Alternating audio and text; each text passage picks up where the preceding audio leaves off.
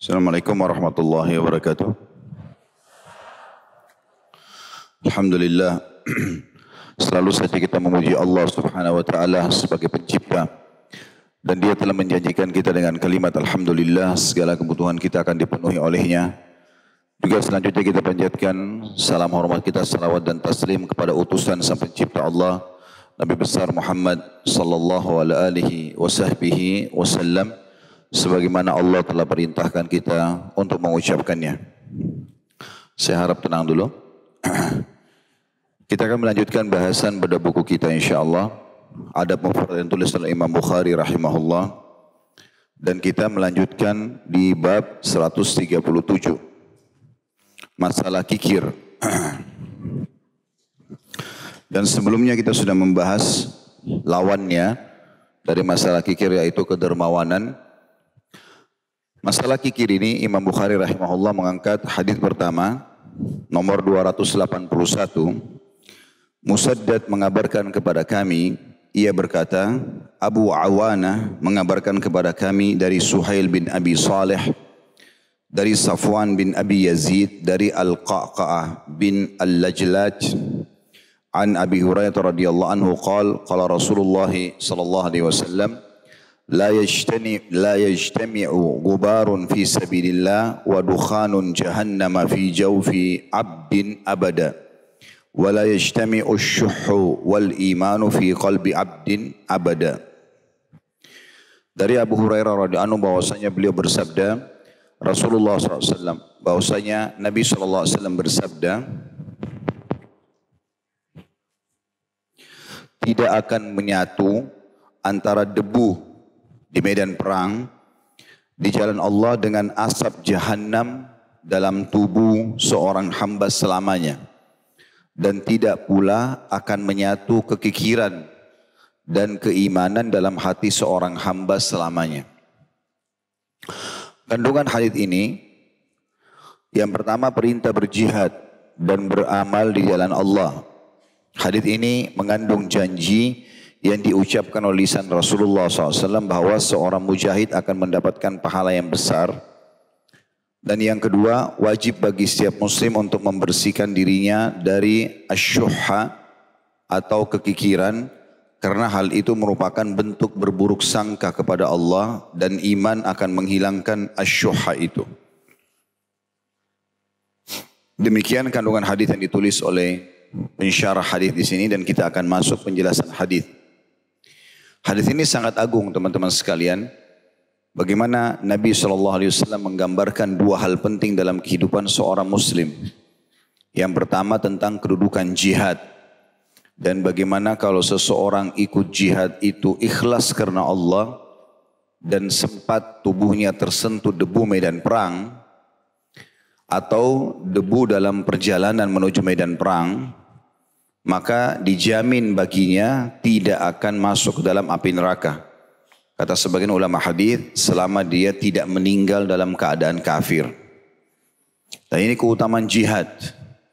Kalau sekali saja seseorang di antara kita sempat mengikuti perang di jalan Allah tapi tentu dengan syarat-syarat yang benar dan memang sesuai dengan apa yang telah diterapkan oleh Allah Subhanahu wa taala seperti jihad-jihad yang terjadi di zaman Nabi SAW, Badr, Uhud, pembebasan kota Makkah, Fathhi Makkah, Hunain, Tabuk, dan beliau sudah contohkan berikut juga dengan Khulafaur Rashidin. Bagaimana Abu Bakar contohkan memerangi orang-orang yang menolak membayar zakat, nabi-nabi palsu. Bagaimana juga Umar bin Khattab mengekspansi Islam ke wilayah Persia, ke Afrika, ya, ke utara Jazirah Arab, negeri Syam. Semua ini kita lihat adalah bentuk jihad yang benar. Apalagi di zaman sekarang banyak orang menyalahgunakan kalimat jihad. Pernah saya jelaskan itu. Di zaman kita sekarang ada orang yang terlalu ekstrim dalam memahami jihad sehingga akhirnya mereka menyalahgunakan dengan menganggap kalau dia bunuh dirinya dia mati syahid. Padahal sebenarnya tidak pernah ada dalam Islam ini. Ya, Nabi SAW tidak pernah menyuruh sahabat untuk membunuh diri mereka. Tetapi Nabi SAW memerintahkan mereka untuk menyerang kalau terbunuh karena Allah Subhanahu Wa Taala barulah dia mati syahid. Masalah kasus beberapa orang sahabat yang coba dalam bahasa Arab mugamarah ya, maju menyerang musuh, itu bukan berarti membunuh diri. Seperti kasus uh, Ka'ab bin Malik radhiyallahu anhu di mana beliau minta agar benteng Musailamah al-Kadzab karena tidak bisa tembus beberapa hari maka dia minta agar dia dinaikkan di ujung-ujung tombak. Beberapa sahabat mengumpulkan tombak mereka lalu dinaikkan kemudian dia didorong ke atas tembok untuk bisa masuk ke dalam supaya dia bisa membuka pintu gerbangnya. Ini bukan dalil tentang bolehnya bunuh diri. Sebagaimana sebagian orang berpegang pada dalil ini. Padahal sebenarnya Beliau radhiyallahu anhu ingin masuk ke dalam benteng dan masih dalam kondisi hidup. Beda sekali dengan orang yang sekarang meledakkan badannya, bunuh diri sebelum menyerang musuh malah gitu. Maka ini berbeda, tidak bisa dijadikan sebagai dalil. Beliau radhiyallahu anhu masuk ke dalam, lalu duel dengan beberapa orang-orang kafir, sampai akhirnya berhasil membuka pintu gerbang. Jadi beliau bukan mati di situ. Bukan mati, matinya nanti setelah itu. Walaupun di dalam benteng juga meninggal dunia, mati syahid karena beliau termasuk mustajab doa. Ya, beliau mengatakan ya Allah jadikanlah aku orang yang pertama mati syahid dalam peperangan ini dan Allah kabulkan. Tetapi bukan matinya pada saat awal dilempar ke dalam benteng itu. Ini sekaligus kita luruskan pemahaman karena berdalil seperti ini sebagian orang di Indonesia boleh bom bunuh diri. Ini tidak benar. Kalau kita bawa bom masuk ke medan perang, kita lempar, kena musuh kita pun kena percikannya tanpa niat, maka itu insya Allah mati syahid. Di dalam potongan pertama juga ini ada motivasi agar setiap muslim, terutama kaum laki-laki, selalu bergelora dalam hatinya niat untuk melaksanakan ibadah ini. Tapi tidak tadi ekstrim yang berlebihan, tidak juga terlalu merendahkan jihad. Menganggap jihad tidak perlu dibahas, nggak perlu orang Islam tahu. Ini keliru. Kita membela diri kita jihad. Membela agama kita jihad. Membela Rasulullah SAW jihad. Gitu kan? Membela nama baiknya Allah. Al-Quran kitabnya. Membela kehormatan kita adalah jihad semuanya. Maka dia harus dibahas. Tapi sesuai dengan bahasan yang benar. Rukun-rukun dan syarat yang benar. Seperti itulah. Nah kita harus ada di tengah-tengah. Dalam arti kata setiap muslim laki-laki harus punya semangat dan keinginan besar untuk menerapkan hukum jihad ini dalam hidupnya. Bahkan Nabi SAW memotivasi agar kita siap, terutama kaum laki-laki, perempuan pun bisa meniatkan itu. Kata Nabi SAW, Man talaba syahadatu bisidq, ballagahu Allahu manazil syuhada wa in mata ala firashi. Siapa pun yang berharap agar Allah tutup hidupnya dengan mati syahid, maka Allah akan memberikan tulus dari hatinya, maka Allah akan berikan dia kedudukan para syuhada di hari kiamat walaupun mati di atas ranjangnya. Hadis ini ada motivasi yang sangat besar agar setiap muslim setiap saat dibutuhkan mereka siap membela agama mereka. Dan hadis yang kita sedang bahas pada pagi ini hadis yang sangat mulia. Kata Nabi SAW tidak akan pernah bersatu antara debu medan perang, debu medan perang. Maksudnya debu yang kita jalan lalu kena ke pakaian kita karena kita masuk ke medan perang atau jalan di medan atau menuju medan perang itu dengan panasnya api neraka. Artinya tidak akan pernah dia masuk ke dalam api neraka.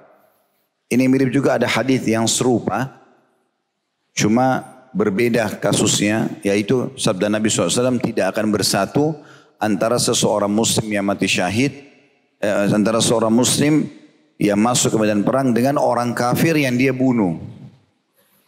Jadi kalau sampai kita masuk ke medan perang, kita berhasil membunuh seorang non muslim misalnya kafir, dia kancah peperangan ya. Betul-betul lagi berhadapan memang mereka keluar untuk memerangi agama Allah. Kalau mereka terbunuh di tangan kita, maka kita, dia akan masuk neraka dan kita tidak akan bersatu sama dia di neraka. Dalam arti kata dijamin bagi si mujahid ini walaupun dia tidak mati dalam medan perang itu sebagai syahid, dia tidak akan masuk ke dalam neraka karena telah digantikan oleh si kafir tadi. Seperti itulah. Juga diambil pelajaran dari sini, setiap muslim wajib mempelajari tentang masalah rukun-rukun dan syarat-syarat jihad. Supaya mereka faham. Gitu kan? Seperti misalnya, kalau kita mau pergi haji, kita wajib mempelajari rukun-rukun, syarat-syarat. Ya biasa diistilahkan dengan manasik haji. supaya kita tahu apa yang harus kita lakukan di sana dan maksimal dalam mendapatkan keutamaannya gitu.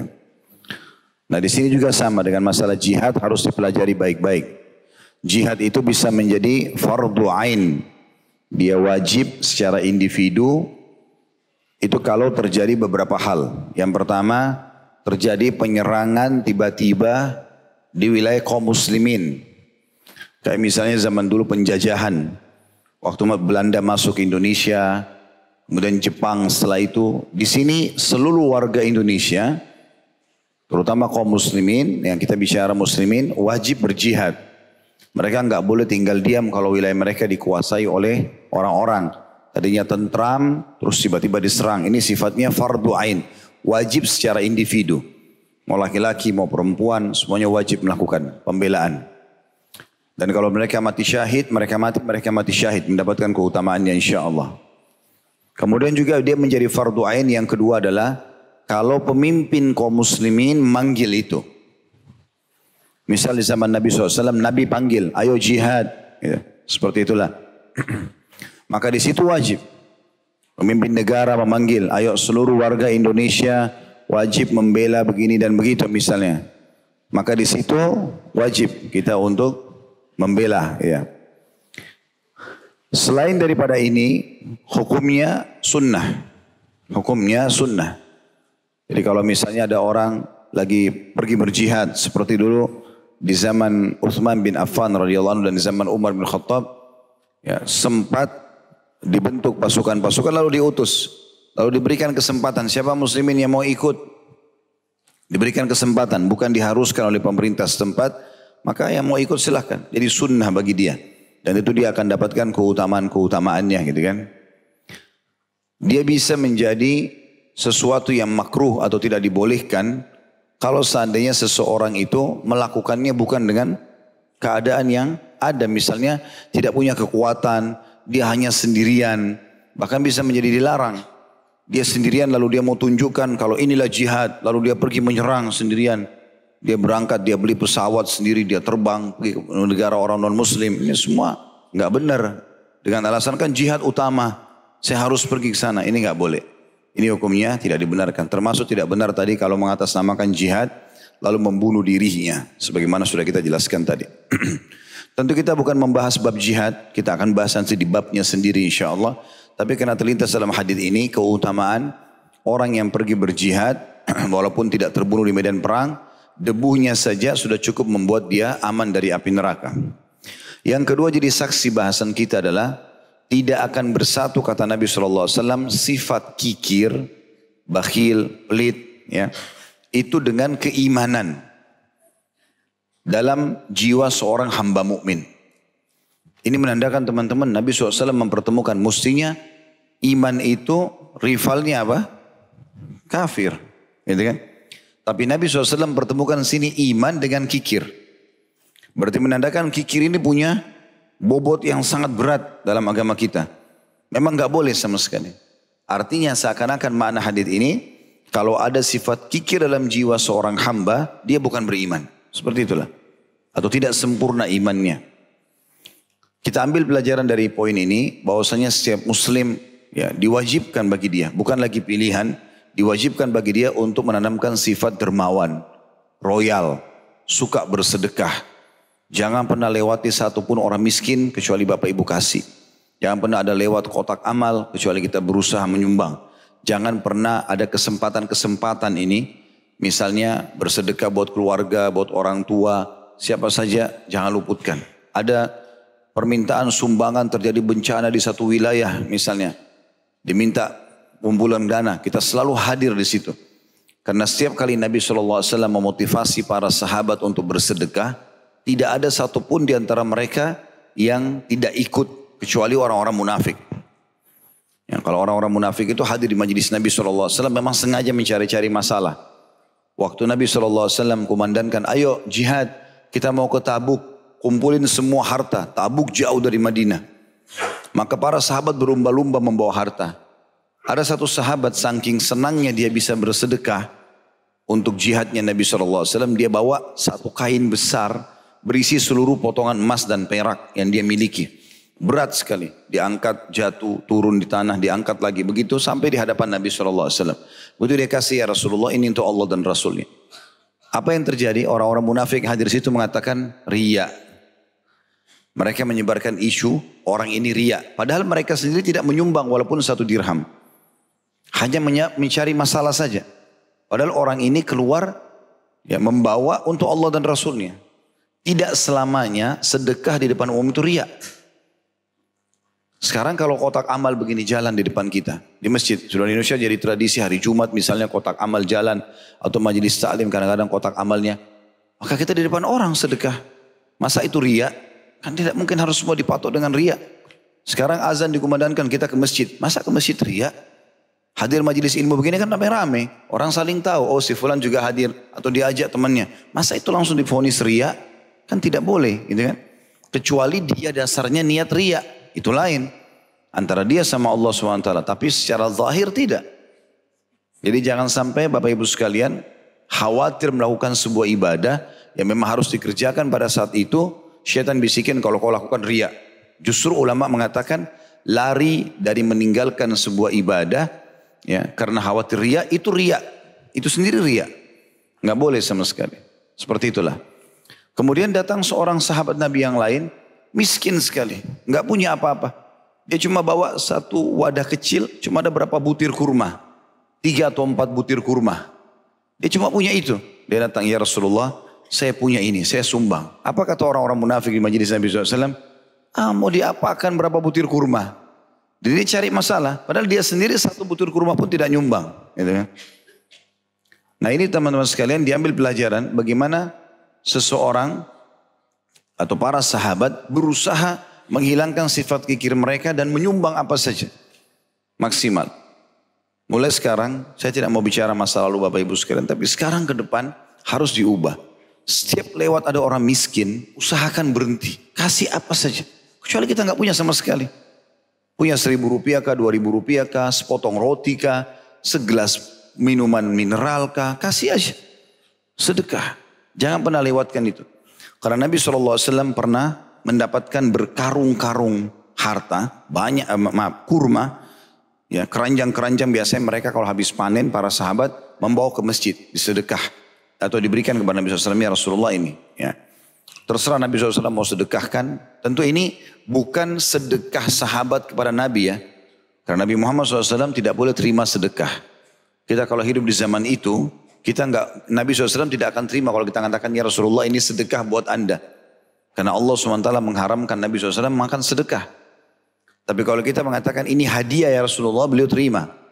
Salah satu ciri Nabi SAW dan disebutkan dalam Taurat dan Injil, Nabi terakhir itu menerima hadiah dan tidak menerima sedekah. Maka ada sahabat-sahabat pada saat panen mereka mengatakan ya Rasulullah ini hadiah dari kami. Terserah Nabi. Nabi mau makan buat sama keluarganya atau beliau sedekahkan. Ternyata pada saat itu banyak sekali orang-orang miskin datang di hari-hari panen ini. Mereka tahu banyak orang yang membawa kurma ke masjid. Mereka datang lalu mengatakan, Ya Rasulullah kami susah. Nabi berikan. Dan Nabi ini kalau memberi di jalan Allah luar biasa gitu. Berinya langsung satu keranjang, satu keranjang dikasih. Orang bawa pulang gitu. Karena banyak orang yang datang minta, maka habis keranjang-keranjang kurma itu. Nabi sendiri SAW belum makan satu butir pun. Kemudian pada saat itu ada lagi orang yang datang minta, Nabi SAW terlihat dari raut wajah beliau sedih. Kenapa nggak bisa kasih orang ini gitu. Ternyata Umar bin Khattab berkata di sebelahnya sebagai mertua dan sahabatnya, Ya Rasulullah, Allah tidak bebankan anda di atas kemampuan anda. Cukup saja sudah tadi sudah banyak sekali anda berikan. Nabi SAW diam, tidak jawab. Kemudian Ali bin Abi Thalib mengorek kantongnya melihat masih ada tiga dirham, empat dirham uang. Dikeluarkan dia mengatakan, Ya Rasulullah ini saya punya. Terserah anda, berikan kepada siapa pun. Maka raut wajah Nabi SAW berubah menjadi gembira, senyum. Lalu beliau mengatakan, bihada umirtu. Seperti inilah aku diperintahkan. Maksudnya, jiwa seorang mukmin itu harus selalu semangat ingin memberi. Bahkan kalau tidak bisa memberi merasa sedih. Karena tidak mungkin tergerakkan seseorang itu minta sesuatu pada kita. Kecuali memang Allah yang menggerakkan dia. Dan Allah menginginkan kita mengambil pahala itu. Jangan disia-siakan. Nanti akan menyesal pada hari kiamat. Apalagi di Indonesia, Masya Allah banyak sekali peluang itu. Sering saya bahasakan ini, banyak sekali. Tidak pernah saya pulang atau pergi ke pengajian di hari-hari sepanjang hari yang biasa kami pakai untuk itu. Kecuali pasti saya temukan ada saja. Ada kadang-kadang orang yang sudah sangat tua, bawa ya apa namanya keranjang, bawa buah. Mungkin saya pikir kalau saya angkat saya nggak bisa angkat keranjang itu. Tadinya saya pikir cuma mangga di bagian atas, buah besar-besar gitu. Bapak sudah tua, dipikul sama dia. Waktu saya tahan, saya lihat itu mangga bagian atas. Ternyata waktu dibuka di bawahnya tuh banyak buah juga. Itu berat sekali, ya berat sekali. Mungkin belum tentu orang fitness pun bisa angkat itu, gitu. ya karena beratnya. Tapi subhanallah cari rezeki halal, tidak ada yang beli dari dia. Entah kenapa gitu. Mampir beli sekilo, beli sesuatu atau kasih saja uang gitu kan. Walaupun seanjuran ulama dibedakan antara kalau orang menjual dengan orang yang hanya minta, bedain. Kalau orang menjual, kita beli barangnya supaya dia gembira. Walaupun kita lebihkan uang misalnya. Sekilo mangga 50 ribu, 30 ribu misalnya. Baiklah, saya kita kasih 50 ribu. Nggak usah pak kembaliannya misalnya. Itu bagus. Gitu. Kita beli supaya dia gembira. Memberikan juga semangat buat. Tapi kalau dia minta, kasih saja. Jangan di, jangan di, jangan lagi dinilai apakah orang ini kuat, mungkin bohong, mungkin segala macam. Bukan tugas kita menilai. Tugasnya Allah subhanahu wa ta'ala. Tugas kita eksekusi pada saat itu. Semua dibalas sesuai dengan niatnya. Inna malamalu bin niat. Niat kita bersedekah Allah kasih, niat dia menipu ya sudah. Gitu kan? Saya pernah melihat itu. Ada uh, waktu saya lewat di salah satu jalan di Jakarta Selatan mau menuju ke pengajian. Tidak sengaja saya lewat di sebelah kali, seperti kali begitu ada kayak kaki palsu. Ya. Sebenarnya kaki itu biasa dipakai mungkin menipu orang untuk minta-minta. Tapi itu bukan tugas kita mencari itu. Tidak usah, tidak usah kita cari tahu. Kecuali depan mata kita tahu dia penipu, pemabuk, nah itu baru kita tolak. Tapi kalau tidak, berikan. Saya sudah sering ucapkan, Abdullah bin Umar radhiyallahu bersedekah setiap hari untuk menghilangkan tidak adanya sifat kikir dalam diri ini, walaupun hanya dengan sebutir bawang. Aisyah radhiyallahu sibuk dengan bersedekah gitu kan setiap harinya dan begitu juga dengan sahabat-sahabat Nabi yang lain. Uthman bin Affan kalau bersedekah setiap hari itu kalau kita hitung ratusan juta bisa miliaran setiap hari dan tidak pernah hartanya habis. Abdurrahman bin Auf bersedekah tidak pernah habis hartanya dan sekian banyak sahabat mempraktikkan masalah itu. Ada judul ceramah kami di YouTube khusus masalah itu judulnya Kajaiban Sedekah. Panjang lebar mungkin dua jam, dua jam setengah membahas tentang masalah keutamaan tersebut. Intinya teman-teman dalam bahasan hadis kita ini, Nabi SAW mempertemukan mengatakan tidak akan pernah bersatu dalam jiwa seorang mukmin antara kekikiran dengan keimanannya. Nah ini berarti kikir ini luar biasa bahayanya. Berarti akan mengganggu keimanan dia. Selama bapak ibu masih ada bisikan dalam hati, gak usah kasih, gak usah bantu, mungkin dia bohong, dan itu kita iakan, itu berarti mengganggu keimanan. Udah kasih saja. Tidak usah kita perhitungan dalam masalah itu. Itu yang diambil dari hadis ini. Ya. Hadis yang kedua, hadis nomor 282, Imam Bukhari berkata rahimahullah, Muslim mengabarkan kepada kami, ia berkata, Sadaqah bin Musa, yaitu Abdul Mughir As-Sulami, mengabarkan kepada kami, ia berkata, Malik bin Dinar mengabarkan kepada kami, dari Abdullah bin Ghalib Al-Haddani, عن أبي سعيد الخدري رضي الله عنه عن النبي صلى الله عليه وسلم قال خصلتان لا يجتمعان في مؤمن البخل وسوء الخلق dari Abu Sa'id radhiyallahu anhu dari Nabi sallallahu alaihi wasallam beliau bersabda dua sifat yang tidak akan menyatu pada diri seorang mukmin. Lalu yang pertama Nabi sebutkan dari dua itu kikir. Yang kedua akhlak yang buruk. Nah, kita bisa lihat di sini bagaimana bobotnya kikir itu sampai Nabi SAW mengatakan tidak layak ada pada diri seorang mukmin. Dan di sini Nabi SAW mendahulukan kikir daripada akhlak yang buruk. Padahal sebenarnya dia bagian daripada akhlak yang buruk. Tapi Nabi SAW mengatakan kikir dan akhlak yang buruk. Bisa saja Nabi bilang misalnya akhlak yang buruk dan kikir. Enggak, Nabi dahulukan kikir karena beratnya ya, perbuatan atau perangai yang buruk ini. Kandungan hadis tidak patut pada diri seorang mukmin terkumpul dua sifat ini di mana keduanya tidak akan terpisah. Tidak patut pula ia senang dengan sifat buruk itu karena kikir tidak akan melain tidak tidak akan ada melainkan karena kurangnya kepercayaan terhadap Allah. Seorang mukmin hendaknya percaya sepenuhnya kepada Allah karena kekikiran menyeret seorang hamba kepada akhlak yang buruk, maka dituntut untuk berakhlak mulia dan berlapang dada. Ya, jadi kalau yang dimaksud dalam poin kandungan ini adalah manfaat hadisnya, kalau ada orang yang masih punya sifat kikir, perhitungan di jalan Allah, ini masukin nggak sih di kotak amal? Ini bantu nggak sih? Ini orang bohong atau enggak? Berarti dia masih ragu dengan janji Allah. Padahal Allah SWT sudah menjanjikan dalam banyak ayat Al-Quran di antaranya A'udzubillahi minasyaitonir wa ma anfaqtum min syai'in fa huwa yukhlifu. Apa pun yang kalian infakkan di jalan Allah maka pasti dia akan ganti. Ya, jadi tidak ada sesuatu yang perlu diragukan. Maka kalau ada seseorang ragu mengeluarkan sesuatu di jalan Allah, apa pun sifatnya, kita sedekah. Bahkan buat diri kita sendiri pun adalah sedekah di jalan Allah. Kalau kita niatkan memang merawat tubuh, memberikan pakaian, eh, apa namanya perawat-perawatan sampo, sabun dengan niat untuk merawat apa yang Allah amanahkan ini atau menjalankan perintah agama jadi berpahala semuanya, sedekah. Sahabat mengatakan ya Rasulullah saya punya dirham, siapa yang saya harus sedekahkan dulu? Kata Nabi SAW dirimu. Lalu siapa? Istri sama anakmu. Lalu siapa? Pembantumu. Lalu siapa ya Rasulullah? Yaitu kamu lebih tahu setelah itu. Kalau ada yang bertanya lalu bagaimana dengan orang tua Ustaz? Ada hadis yang lain. Kalau orang tua itu sudah bagian dari diri kita. Ya. Tidak masuk di sini. Nabi mengatakan kau bersedekah buat dirimu. Lalu siapa? Istri anakmu. Kalau yang tanya orang tua di mana? Orang tua justru masuk dalam poin yang pertama. Seperti jasad kita sendiri. Nggak ada lagi. Ya. Bukan milik kita sama sekali harta itu. Hadis yang masyur yang sudah pernah kita jelaskan. Ada sahabat yang marah kepada ayahnya gara-gara datang minta uang. Di rumahnya tanpa dia ada gitu.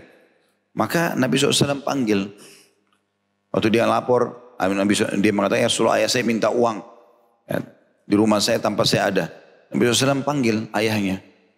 Kenapa kau ambil uang anakmu tanpa izin? Dia bilang, ya Rasulullah, anak ini tumbuh dari hasil keringatku. Ya, semua kebutuhannya aku penuhi. Sekarang setelah dia dewasa, aku yang membutuhkannya. Ya.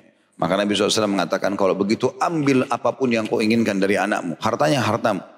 Lalu kata Nabi SAW kepada anaknya, Anta wa malika li abik. Ketahuilah kau dan seluruh hartamu milik ayahmu. Gak ada milik kita lagi. Ada seorang syekh pernah menangis di salah satu eh, ceramah di Saudi. Secara live di TV. Hanya karena ada satu orang yang telepon bertanya begini. Dia bilang, Syekh, ibu saya numpang di rumah saya. Dan istri saya tidak suka itu. Apa yang saya harus lakukan? Maka Syekh sorotin kalimat dia bilang, kau bilang ibumu numpang di rumahmu. Kamu yang numpang di ibumu gitu kan. Rumahmu dan kau milik ibumu. Bagaimana bisa kau berbicara seperti itu? Ibuku numpang di rumahku. Atau orang membahasakan ayahku numpang di rumahku. Bagaimana bisa? Tanpa mereka kita tidak akan hadir di muka bumi ini. Dan Allah SWT mengaitkan antara beriman kepada Allah dan juga bakti kepada orang tua. Jadi orang tua sudah tidak perlu dibahas lagi. Sudah harus masuk dalam poin ini. Ya, sebagian suami juga harus bertakwa kepada Allah Subhanahu wa taala Kadang-kadang dia larang istrinya untuk berbakti sama orang tuanya dengan alasan saya suami harus didahulukan. Anda didahulukan dari sisi pelayanan. Tapi tidak mungkin kita hapus statusnya orang tua istri kita. Biarkan dia ketemu, antar ketemu sama orang tuanya. Kadang-kadang ada orang mertuanya sakit, gak mau dibiayai. Padahal dia mampu. Gak mau dilihat. Gak usah bantu orang tuamu. Gak usah begini dan begitu. Kenapa ini? Ini melanggar hukum syari. Gitu kan? Begitu juga dengan banyak istri Pilih saya atau pilih ibumu? Ya pilih ibunya lah. Hah? Ada nggak di sini bapak-bapak begitu? Tiba-tiba pilih istrinya. Hah? Saya cambuk saja kalau. Tidak boleh dalam syariat. Kalau dia bilang begitu, bilang tentu ibu saya. Jawab dengan tegas. Tentu ibu saya. Tidak mungkin. Hukum Allah begitu. Orang tua didahulukan. Tapi banyak laki-laki subhanallah sangat lemah. Ya. Istrinya bilang, jangan, jangan, tidak mau keluar pun, jangan keluar, jangan keluar. Ini istri atau ya, majikannya ini gitu kan. Nggak boleh seperti ini. Dia yang jadi pemimpin, dia yang harus atur gitu kan. Tapi ini sudah pernah kita jelaskan. Intinya teman-teman, jangan sampai kita menganggap sedekah pada orang tua ini juga masalah buat kita. Tidak sama sekali. Justru kita saling mendukung-mendukung. Si suami dukung istrinya supaya bisa berbakti sama orang tuanya dengan sedekah ini. Itu juga dengan istri mendukung suaminya. Bahkan kalau salah satunya sudah berapa lama tidak silaturahim dengan orang tuanya, ajak. Ayo kita ke sana sudah lama kita nggak ke rumahnya ini dan itu kita pergi gitu kan seperti itulah hadis ini juga memberikan pelajaran kepada kita teman-teman sekalian diambil dari kalimat al-bukhul wa su'ul khuluq. Khaslatani la yajtami'ani fi mu'min dua perkara yang tidak mungkin akan bersatu dalam jiwa seorang mukmin maksudnya dua hal ini sama sekali tidak boleh ada Bukan sebagiannya mungkin boleh, tidak ada. Bedakan antara hemat dengan pelit ya, beda. Hemat dalam Islam juga dibolehkan. Tapi pelit ini memang betul-betul tidak mau mengeluarkan. Ya. Ada orang begitu, kaya raya. Pergi umroh, cari hotel yang jauh. Jauh. Jalan kaki susah. Cari pesawat yang transit tiga kali, empat kali. Padahal mampu. Bakhil, Pelit dengan diri sendiri kenapa? Keluar kota dia bisa naik bisnis kelas. Enggak naik ekonomi. Desak-desakan sama orang. Kenapa enggak naik bisnis? Kenapa enggak nikmati? Itu kan halal dalam Islam. Bahkan Nabi SAW mengatakan Inna Allah yuhibbu an yara athara ni'ami ala abdi. Allah suka melihat bekas nikmatnya pada hambanya. Kalau anda mengatakan enggak saya naik ekonomi karena saya mau tawadhu. Itu lain. Kalau betul dia mau begitu ya. Inna lebih niat. Dia nggak mau nanti kelihatan sombong. Mungkin itu masih ada celahnya. Tapi secara umum bukan itu. Orang memang nggak mau karena dia alasan tidak usahlah, tidak perlu, nggak ini dan segala macam. Dia lebih cintai hartanya disimpan di rekening daripada dia pakai. Hah? Enggak, pakai saja, gitu kan? Gak ada masalah.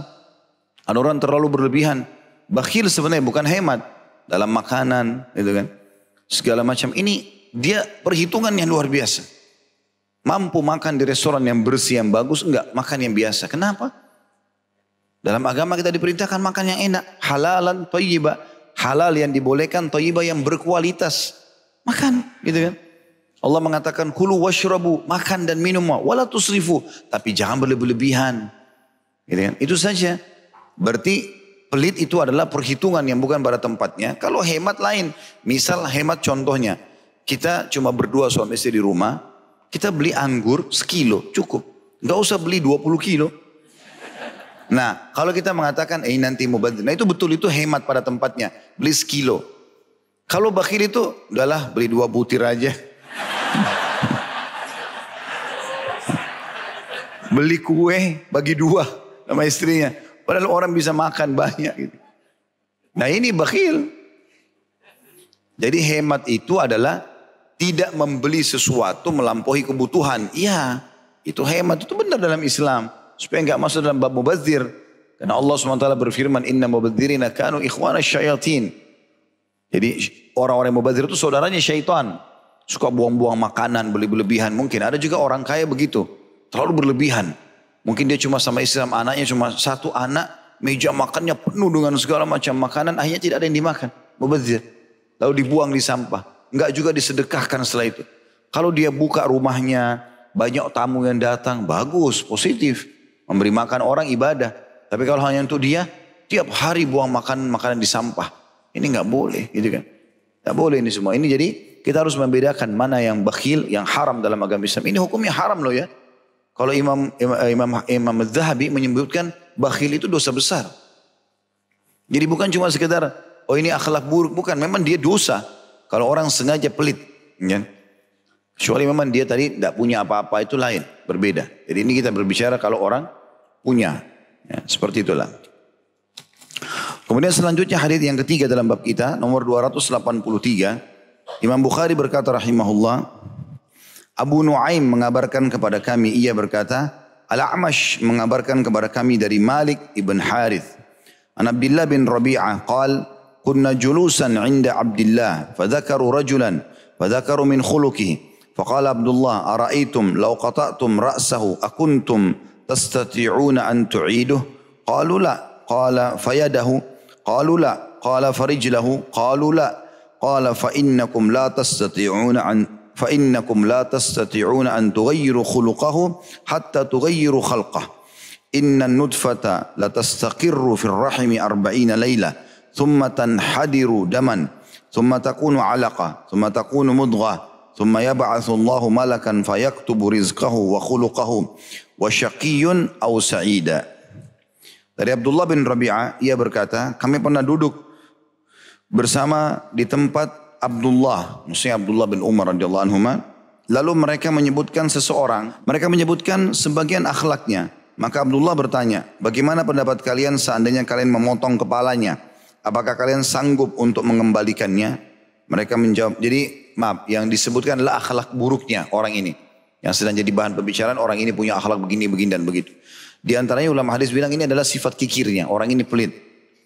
Maka Abdullah bin Umar menanggapi cerita itu sambil mengatakan, bagaimana kalau bagaimana pendapat kalian kalau kalian memenggal kepalanya? Apakah kalian sanggup untuk mengembalikannya? Bisa dipasang kembali? Orang-orang di situ mengatakan tidak. Abdullah bertanya lagi radhiyallahu anhuma, bagaimana kalau tangannya kalian potong? Setelah potong bisa ditempel kembali? Mereka menjawab tidak. Abdullah berkata lagi radhiyallahu anhuma, kalau kakinya? Mereka menjawab tidak.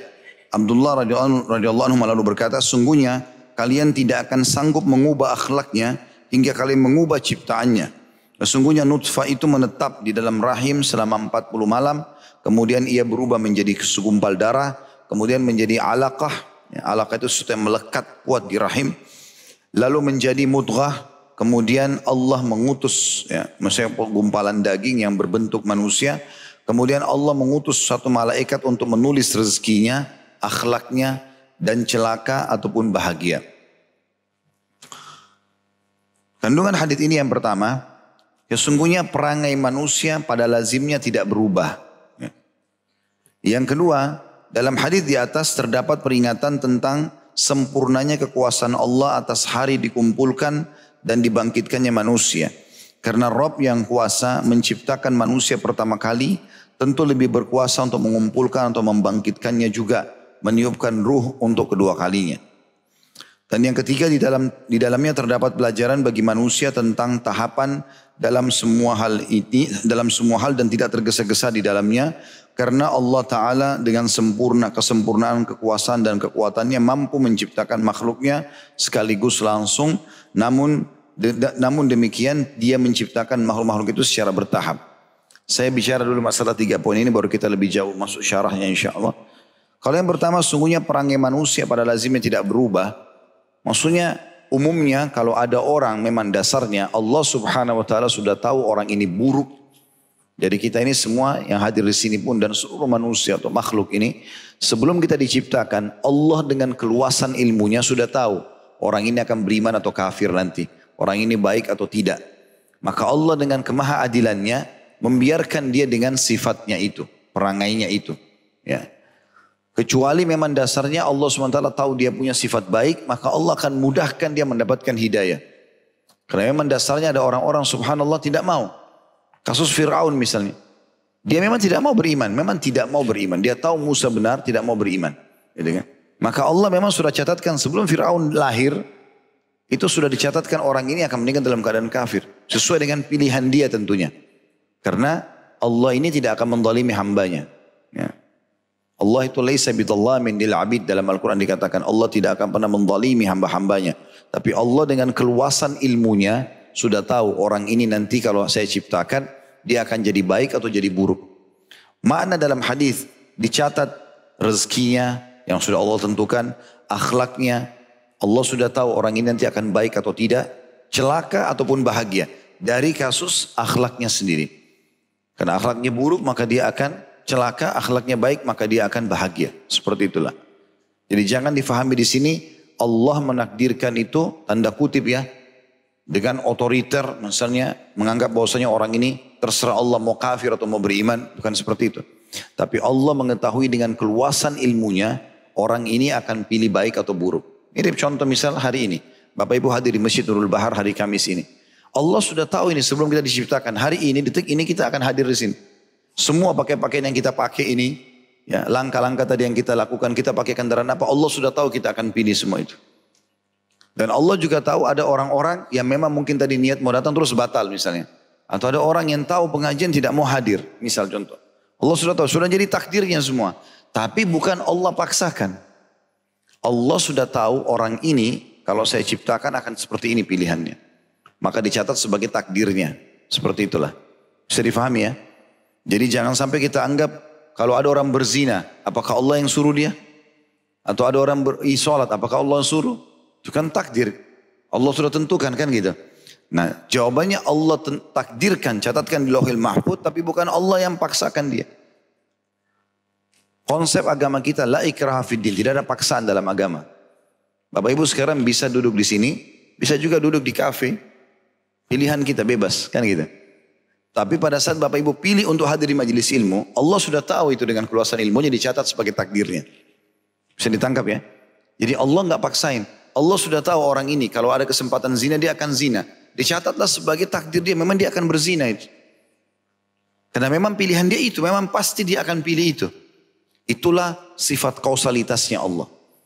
Allah mengatakan dalam surah Al-Anfal, "A'udzubillahi minasyaitonir wa qad ahata bikulli syai'in ilma." Allah telah meliputi segala, segala sesuatu dengan keluasan ilmunya. Allah sudah tahu apa yang akan terjadi, apa yang sedang terjadi dan apa yang akan terjadi.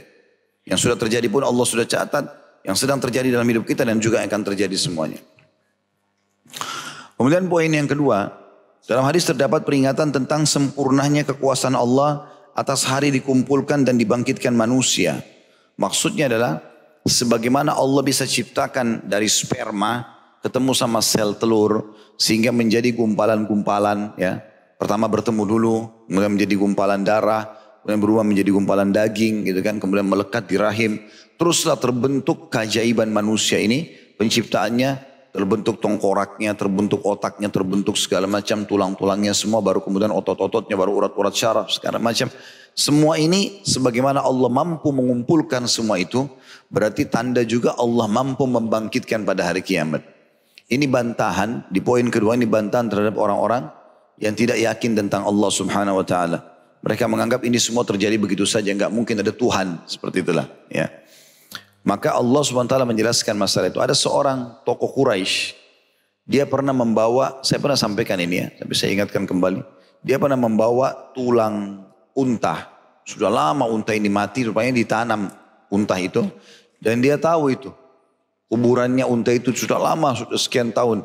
Diambil sebenarnya digali, diambil tulangnya sudah sedikit agak rapuh, dihancurin sama dia, ditumbuk dengan batu. Sampai halus. Kemudian diambil, ditaruh di satu wadah plastik, eh, di, di kain. Lalu kemudian dia datang kepada Nabi SAW. Nabi lagi kebetulan di depan Ka'bah. Lagi mau ibadah kepada Allah SWT. Dia datang di depan orang-orang lalu dia melempar eh, debu tulang unta itu wajah Nabi SAW. Sambil mengatakan dalam surah Yasin diceritakan. Man yuhil idhama wa ramim. Hai Muhammad, siapa yang bisa mengembalikan tulang-tulang yang sudah ramim. Ramim itu kayak sudah jadi debu seperti ini utuh kembali menjadi unta. Memang ada, kau kan kau yakin semua akan dibangkitkan, seakan-akan begitu. Kata Nabi SAW, ada Allah turun, Allah turunkan ayat, Nabi bacakan ayat itu. Kul yuhyiha alladhi ansha'a awwala maratin huwa bikulli khalqin alim. Katakan hai Muhammad yang akan mengembalikan debu yang sudah jadi tulang itu adalah yang telah menciptakannya pertama kali dan dia maha mengetahui terhadap ciptaan-ciptaannya gitu kan. Jadi ini pernyataan bisanya Allah Subhanahu wa taala ya untuk menciptakan manusia dari sperma dan sel telur kemudian jadilah seperti kita manusia itu juga berarti mampu untuk membangkitkannya pada hari kiamat itu makna poin kedua yang ketiga di dalamnya terdapat pelajaran bagi manusia tentang tahapan dalam semua hal dan tidak tergesa-gesa di dalamnya karena Allah Ta'ala dengan kesempurnaan kekuasaan dan kekuatannya mampu menciptakan makhluknya secara sekaligus langsung. Namun demikian dia menciptakan makhluknya itu secara bertahap. Maknanya apa? Di dunia ini semuanya melalui proses. Sekarang kita lapar. Ya Allah, hilangkan lapar saya, saya lapar. Tiba-tiba laparnya hilang? Enggak. Kita Allah berikan jawabannya sesuai dengan sistem yang sudah Allah ciptakan, ada prosesnya. Kita dapat makanan dulu, kunyah dulu, ditelan dulu, hilang laparnya. Kan gitu. Begitu juga dengan pada saat kita capek, sakit. Allah buat kita istirahat, ngantuk, tidur. Ya. Minum obat juga ada dosisnya, sekian hari. Sekian tablet yang diminum misalnya. Semua ada prosesnya. Kita berharap pagi begini, ya Allah saya pengen malam. Tetap harus ada proses malam akan datang. Gitu kan. Seperti itulah kurang lebih. Nah semua yang Bapak Ibu minta kepada Allah SWT jangan tergesa-gesa. Di poin ini ditekankan masalah itu. Kita harus tahu semuanya melalui proses. Makanya Nabi SAW mengatakan dalam hadis yang mulia, Yustajabu li ahadikum malam ya'jal. Pasti diterima permintaan seseorang di antara kalian selama dia tidak tergesa-gesa. Para sahabat penasaran mengatakan, wa kaifa ya'jal ya Rasulullah, bagaimana cirinya orang tergesa-gesa itu? Kata Nabi SAW, yaqulu da'autu da'autu wa lam yustajabu li fatarakat du'a. Dia bilang, saya sudah berdoa, saya sudah berdoa, tapi belum melihat jawabannya, maka dia tinggalkan doa setelah itu. Dia asa dari rahmat Allah SWT. Dia tidak nikmati prosesnya.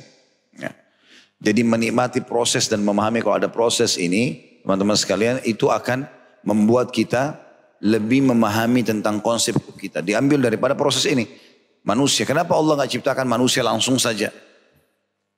Kenapa Allah nggak buat manusia tidak usah melalui lahir perempuan, tidak usah dari sperma, tidak usah dari sel telur, langsung aja Allah buat lahir keluar.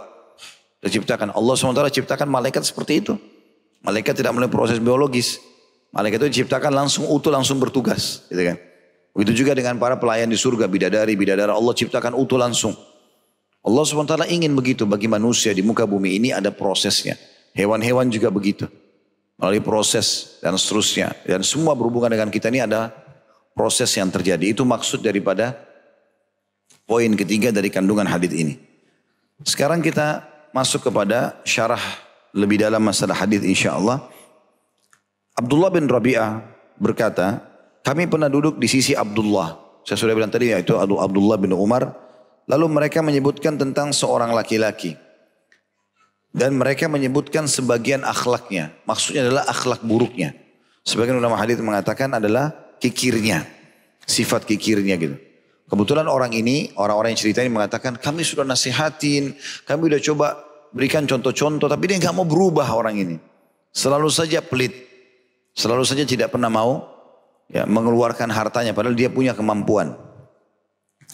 Maka Abdullah di sini mengingatkan kepada orang-orang tabi'in tadi, kalau kalian sudah lakukan itu, sudah nasihatin, sudah luruskan, maka kalian tidak akan pernah bisa mengubahnya setelah itu.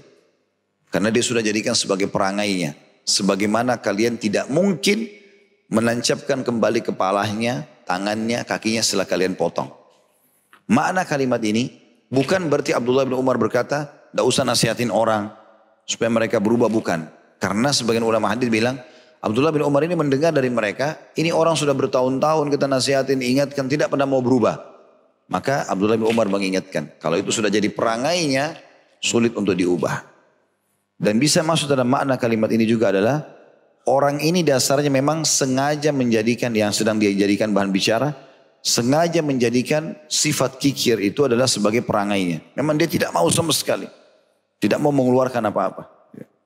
Saya subhanallah pernah temui satu orang. Semoga Allah maafkan. Ya, sudah meninggal Allah yarham.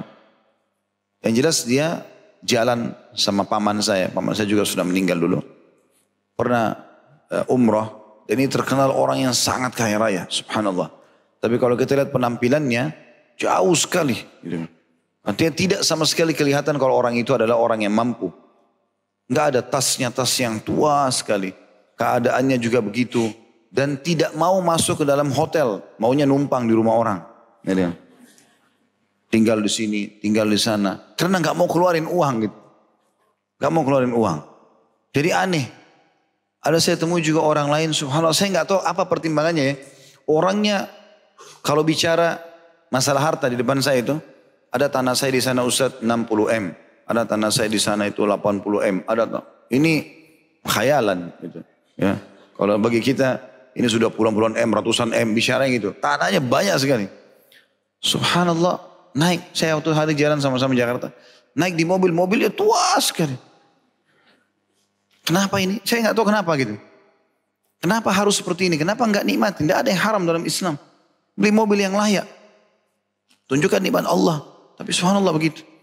Saya bilang ya, kalau ada orang yang niatnya, dan ini jarang terjadi. Tawadu memang mau merendah, lain. Dia memang mau tahu, ada, ada celahnya. Tapi kalau dia tidak mau nikmati, ini aneh. Meninggal lalu kemudian bertumbuh-tumbuh harta untuk apa gitu. Harusnya dinikmati. Tidak ada dalam Islam dilarang itu. Bahkan kata Nabi SAW sering saya ulangi hadis ini. Kalau puncak nikmat Allah pada seorang hamba adalah di badan yang sehat, rumah yang luas, tunggangan yang layak. Maka disuruh kita lakukan itu, gitu kan? Allahu alam. Jadi ini yang kita bisa ambil daripada hadis ini tentunya.